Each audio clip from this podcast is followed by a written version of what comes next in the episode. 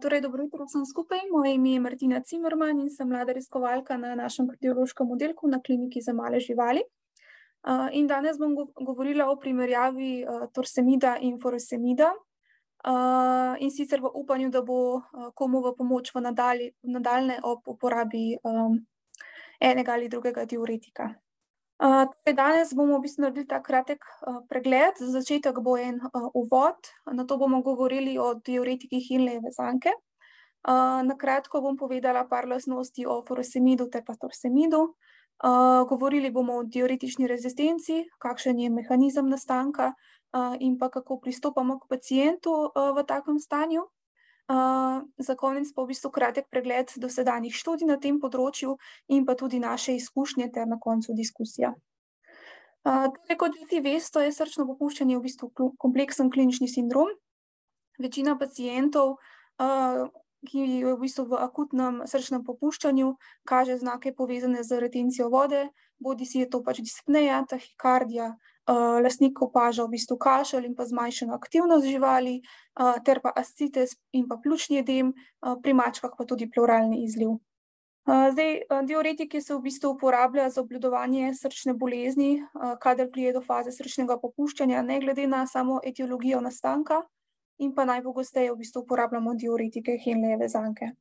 Torej kot rečeno, diuretiki Henleyjeve zanke so trenutno prvi izbor diuretične terapije tako v humani kot v veterinarski medicini.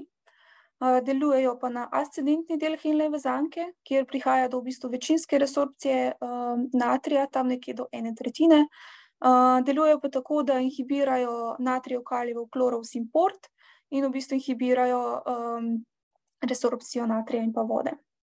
Zdaj v bistvu, kaj v kaj je v bistvu njihova vloga? Torej zmanjšujejo intravaskularni volumen, s tem se zmanjša tudi venski in kapilarni pritisk, ki v bistvu, kar v bistvu vodi v samo razrešitev te volumske preobremenitve srca in venske kongestije, ki v bistvu potem vodi do zastajanja tekočine. Pa če začnemo s furosemidom, zdaj trenutno je on še vedno prvi izbor diuretične terapije pri pacientih v srčnem popuščanju, uporabljamo ga, kot rečeno, ne, za razrešitev kongestije ali levo- ali desnostranskega popuščanja, je pa tudi v bistvu bronhodilatator, tako da imamo lahko tudi zavajajoče izboljšanje, a ne, tudi, tudi kadar gre za kronični bronhitis, kadar gre za pljučnico, se lahko ta kašelj začasno izboljša, ne, torej treba previdno postaviti samo diagnozo in se res prepričati, če je diuretik indiciran. Zdaj samo biorazpoložljivost furosemida zelo variira, tam nekje od deset pa do osemdeset procentov. Razpolovni čas je ena do dve uri in pa problem, predvsem peroralno, je tudi to, da sama ekskrecija tega diuretika je veliko hitrejša kot pa sama absorpcija. Natrijev ureza poteka tam nekje od štiri do šest ur in pa za sam vzdrževalni učinek te diureze sta potrebni vsaj dve dozi dnevno. Priporočena doza za pse je tam nekje od ena do štiri miligrame na kilo od osem do dvanajst ur, kadar imamo pač psa v akutni fazi srčnega popuščanja, v pljučnem edemu, lahko ta interval ustrezno zmanjšamo. Pri mačkah, ki so bolj občutljive na furosemid, je doza tam nekje od ena do dva miligrama na kilo, enako od osem do dvanajst ur. Zdaj same poti aplikacije so torej peroralno, intravenozno in pa subkutano. Glede na študije je v bistvu subkutano tudi zadovoljiv učinek, kadar pač intravenozna aplikacija ni možna. Zdaj najvišja plazemska koncentracija je pač odvisna od same poti aplikacije, torej pri intravenoznem je tam nekje od dvanajst do štiriindvajset minut in pa najmočnejši diuretični učinek po tridesetih minutah. Peroralno je pač seveda kasneje in nekje najmočnejši učinek dosežemo po eni do dveh urah.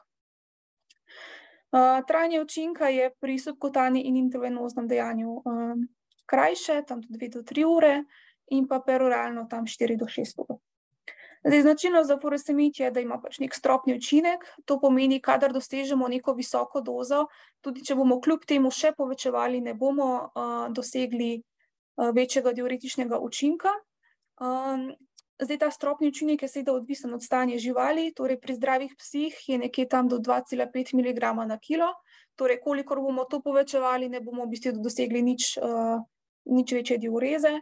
Zdaj pri psih v srčnem popuščanju in pa tudi pri psih, ki imajo kronično ledvično odpoved, so v bistvu je pač pa ta odmerek v bistvu primerno višji zaradi manjše perfuzije ledvic. Zdaj, stranski učinki poresemida so pač dehidracija, elektrolitske neravnovesje, predvsem hipokalemija, redkeje se pojavlja hipokalcemija, ob visokih dozah in kombinaciji z antihipertenzivi, tudi hipotenzija, ter pa slabost, lahko sinkope, v redkih primerih pa ototoksičnost, kadar dajemo v bistvu intravenozni odmerek. Predvsem je to nevarno pri psih, ki že prejemajo gentamicin, ter pa pač dvig ledvičnih vrednostih in pa v redkih primerih metabolna alkaloza zaradi hipokloremije. Torej, trisemid je v bistvu novejši diuretik Henlejeve zanke, je bolj potenten v primerjavi s furosemidom, potrebna je tam nekje do ena desetina doze furosemida, ima pa daljši razpolovni čas, približno osem ur, in pa boljšo biorazpoložljivost, od osemdeset do sto procentov. delovanje na triureze je daljše, tam od dvanajst pa vse do štiriindvajset ur, in pa v humanih študijah so v bistvu ugotavljali, da poleg diuretičnega učinka, ima lahko, tudi vazodilatativen učinek in pa izboljša srčno funkcijo ter zmanjša remodelacijo srca. Torej priporočena doza je torej ustrezno manjša, pri psih je od nič cela ena do nič cela štiri miligrame na kilo od dvanajst do štiriindvajset ur in pa pri mačkah od nič cela ena do nič cela dva miligrama na kilo na dvanajst do štiriindvajset ur. Zdaj, pot aplikacije trenutno je samo peroralno v veterini, v humani medicini sicer imajo, možnost intravenoznega dajanja. Najvišja plazemska koncentracija pri peroralnem dajanju je dve uri in pa najmočnejši učinek dosežemo po dveh do štirih urah. Torej, kot rečeno, trajanje učinka traja tam od šestnajst do štiriindvajset ur in pa stranski učinki so zelo podobni kot, pri furosemidu, mogoče še toliko bolj, izrazita azotemija in pa, opazili so tudi karcinogenost, torej večjo pojavnost adenonov in karcinomov pri podganah. Torej diuretična rezistenca, kaj v bistvu to sploh je? to pomeni, da pač prihaja do nezadostne sekrecije natrija in vode, ki bi v bistvu zmanjšala volumsko preobremenitev srca ter s tem zastajanje same tekočine. Bolj uradna definicija pa je to, da je pač nezmožnost furosemida dvigniti sekrecijo natrija na devetdeset milimolov v treh dneh. Diuretična rezistenca je pač vzrok ponavljajočih hospitalizacij pri pacientih s srčnim popuščanjem in pa prevalenca je tam nekje od dvajset do trideset procentov. Sam mehanizem nastanka, v bistvu jih je, lahko več, torej zmanjšana renalna funkcija je eden od teh in v bistvu zaradi tega tudi zakasnel dvig plazemske koncentracije, samega diuretika. zaradi kronične uporabe diuretikov, lahko prihaja do hipertrofije in hiperplazije epitelnih celic, tubulov in zaradi tega tudi remodelacije nefrona. lahko prihaja do tubularne tolerance in povečane resorpcije natrija v proksimalnih tubulih, kar pomeni, da v Henlejevi zanki, prihaja do manjše resorpcije natrija in v bistvu tudi, sam diuretični učinek je zaradi tega manjši. Prav tako je problem sama, slaba biorazpoložljivost diuretikov in pa njihovo kratkotrajno delovanje ter pa kadar imamo pacienta v kongestivnem srčnem popuščanju, prihaja tudi do slabe črevesne perfuzije in slabe absorpcije, peroralnih zdravil. Torej zaradi tega je še toliko bolj pomembno, kadar imamo pacienta, ki je v pljučnem edemu oziroma ascitesu, da vsaj tistih par dni prejema intravenozno aplikacijo diuretikov, potem pa pač ponovno nadaljujemo s peroralno. Zdaj, diuretična rezistenca pa je lahko posledica tudi prevelike količine zaužite soli, katero v bistvu s samo dozo diuretikov ne moremo, poskrbeti za zadostno sekrecijo, in pa tudi postdiuretična resorpcija soli. to pomeni v bistvu, da je razmik med dozami diuretika, prevelik in vmes že prihaja do povečane resorpcije natrija in spet povečane resorpcije vode. to lahko, v bistvu, tega se lahko izognemo s kontinuirano infuzijo diuretika, prav tako je pa tudi primeren bolus na šest do osem ur. Drugi možni vzroki diuretične rezistence so še, hiponatremija in pa hipokalemija, torej električno neravnovesje, hipokloremična metabolna alkaloza ter pa refleksna aktivacija renalnega živčevja. Sami predispozicijski dejavniki za diuretično rezistenco so torej kronična srčna bolezen in pa kronična ledvična odpoved, ne, kadar prihaja do zmanjšane perfuzije ledvic, in pa tudi diabetes, pri katerem prihaja, do hipoperfuzije tkiv in pa diabetične nefropatije, predvsem zaradi hipertenzije. Kakšen je v bistvu pristop k pacijentom v diuretični rezistenci? In sicer, če še nismo dosegli najvišjo možno dozo diuretika, jo pač povečamo. Uh, kot rečeno, ne samo dozo je potrebno prilagajati, še posebej, kadar bolezen napreduje, saj zaradi zmanjšanega outputa srca je tudi zmanjšana perfuzija ledvic. Uh, kadar imamo pacijenta v akutnem stanju srčnega popuščanja, uh, zamenjamo pot aplikacije, torej da obidemo gastrointestinalni trak in zmanjšamo absorpcijo. Uh, fino se je tudi izogibati uporabo nestorednih protivnetnih sredstev, uh, ker povzročajo vazokonstrikcijo renalnih uh, arteriol ter inhibirajo vazodilatativne prostaglandine, kar ponovno vodi do zmanjšane glomerularne filtracije in pa perfuzije ledvic. Pomembno je, da v bistvu naredimo korekcijo elektrolitskega neravnovesja in pa v skrajnem primeru uporablja, uporaba drugega diuretika, ki je pač dlje trajajoč in pa ima boljšo biorazpoložljivost, torej v bistvu to je zdaj torsemit. Torej, če prijemo zdaj do vprašanja, ali torsemit ali furosemit, zdaj zaenkrat je še vedno precej malo študij na tem področju, kjer primerjajo oba diuretika pri psih in trenutno aktualne hipoteze so torej, da je torsemit inferioren, slabši od furosemida, da imata oba podoben učinek, uh, oziroma da je torsemit superioren diuretik, uh, ter da je tudi pač ta odgovoren za zmanjšano mortaliteto in pa število hospitalizacij pri, pri pacijentih po zračnem popuščanju. Pa če naredimo tak kratek pregled uh, dosedanjih študij, ki so bile narejene na tem področju. In sicer uh, prva študija avtorja Šedbul uh, je šlo za populacijo 366 psov z miksomatozno degeneracijo mitralne zaklopke. Sama zasnova študije, torej pse so razdelili v dve skupini. Ena skupina je v bistvu predstavljala refraktorne pse, ki so bili že na furesemidu, ter so potrebovali v bistvu menjavo diuretika, ter pa pse, ki so se v bistvu prvič srečali z kongestivnim srčnim popuščanjem. Zdaj te skupini so razdelili uh, na eno polovico, torej ena je prijemala furesemid, druga pa furesemid uh, za tri mesece. Um, tekom terapije so v bistvu ocenjevali samo klinično stanje živali, torej kakšna je dispneja, kašelj, uh, stanje tekočine in pa aktivnost pacijenta, ter pa krvne spremembe in rengenske spremembe. Zdaj, zaključ, zaključki so bili, da je bil endpoint, torej čas do smrti, dosežen kasneje pri pacijentih na torsemidu, uh, in uh, prav tako pa je bilo več stranskih učinkov pri torsemid skupini. Uh, lasniki so opazili večjo poliurijo in polidipsijo, in pa prišlo je do večjega dviga jedrnih, kot tudi ledvičnih parametrov. Zdaj, sama limitacija te študije je to, da je bila sponzorirana sa strani proizvajalca torsemida in pa trajala je v bistvu le tri mesece. Naslednja študija avtorja Pedal šlo je za populacijo sedem psov, ki so bili v stabilni fazi kroničnega srčnega popuščanja. Vsi psi so že pred začetkom v bistvu prejemali furosemid, ena skupina oziroma polovica te skupine je nadaljevala s furosemidom nadaljnih sedem dni, pri drugi pa so v bistvu zamenjali furosemid za torsemid, na sedmi dan pa so v bistvu skupine in terapijo zamenjali. Tekom študije so v bistvu merili respiratorno frekvenco, frekvenco srca, delali krvne preiskave in pa v bistvu imeli vprašalnik za lasnike, kjer so ocenjevali kvaliteto življenja. Zdaj, zaključki so bili, da v bistvu ni bilo nekih signifikantnih razlik med obema populacijama, edino prišlo je do večjega vpliva na same ledvične parametre pri skupini na torsemidu.